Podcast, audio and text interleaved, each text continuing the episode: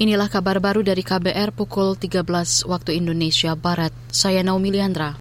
Partai Demokrat mengingatkan pelaksanaan berbagai target sasaran rencana pembangunan jangka menengah nasional RPJMN tahun 2020-2024 masih belum terrealisasi. Juru bicara fraksi Partai Demokrat Rizky Aulia Natakusuma mengatakan penyusunan dan pelaksanaan rancangan anggaran pendapatan dan belanja negara RAPBN merupakan tahun terakhir pemerintah untuk memenuhi target sasaran tersebut. Hal itu dia sampaikan saat rapat paripurna DPR dengan agenda penyampaian pandangan fraksi atas kerangka ekonomi makro dan pokok pokok kebijakan fiskal RAPBN tahun anggaran 2024. Di antaranya, pertumbuhan ekonomi 2020-2024 yang dipatok tumbuh di kisaran 6,2 sampai 6,5 persen, realisasinya di tahun 2022 baru di angka 5,31 persen tingkat kemiskinan yang ingin ditekan hingga 6,7 persen, pencapaian di tahun 2022 masih di angka 9,57 persen. Juri bicara fraksi Demokrat Rizky Aulia Natakusuma juga menyoroti tingkat pengangguran terbuka tahun lalu yang masih tinggi mencapai hampir 6 persen. Padahal pemerintah menargetkan di level 3,6 hingga 4 persen. Selain itu, indeks Gini yang memperlihatkan tingkat ketimpangan pendapatan juga belum mencapai target 0,374.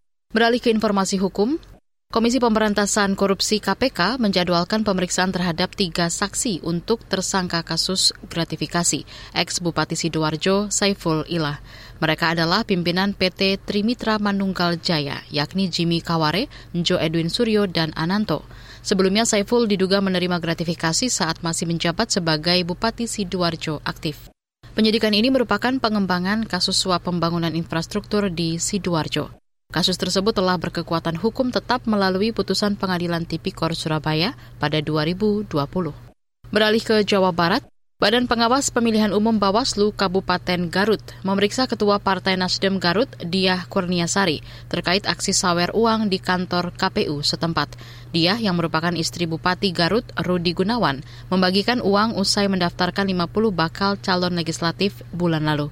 Dugaan pelanggaran ini akan diusut pada rapat pleno Bawaslu. Berikut keterangan Komisioner Bawaslu Garut Ahmad Nurul Syahid. Karena memang dalam peristiwa itu kan yang melakukan pesawaran itu ada tiga orang. Yang pertama Bacaleg ya. atas nama Pak Ibe, yang kemudian Ketua Nasdemnya juga ya sebagai Bacaleg juga. Karena eh, tadi sudah kita panggil sudah selesai, kemudian yang eh, yang satu orang lagi sudah dilakukan pada minggu kemarin hari pada hari Jumat dengan ketua KPU yang kita undang menjadi klarifikasi juga. Poinnya karena ini dalam proses masuknya investigasi kita menggali lagi informasi eh, misalnya eh, apakah ada direncanakan atau tidak minimal hal itu kemudian ada beberapa pertanyaan lah yang kami sampaikan sehingga akan menjadi bahan pada saat nanti pleno. Komisioner Bawaslu Garut Ahmad Nurul Syahid Rapat pleno akan digelar dalam waktu dekat. Hasil pleno juga akan menjadi rujukan KPU dan tim penegakan hukum terpadu bila terjadi pelanggaran administratif maupun pidana. Demikian kabar baru KBR, saya Naomi Liandra undur diri.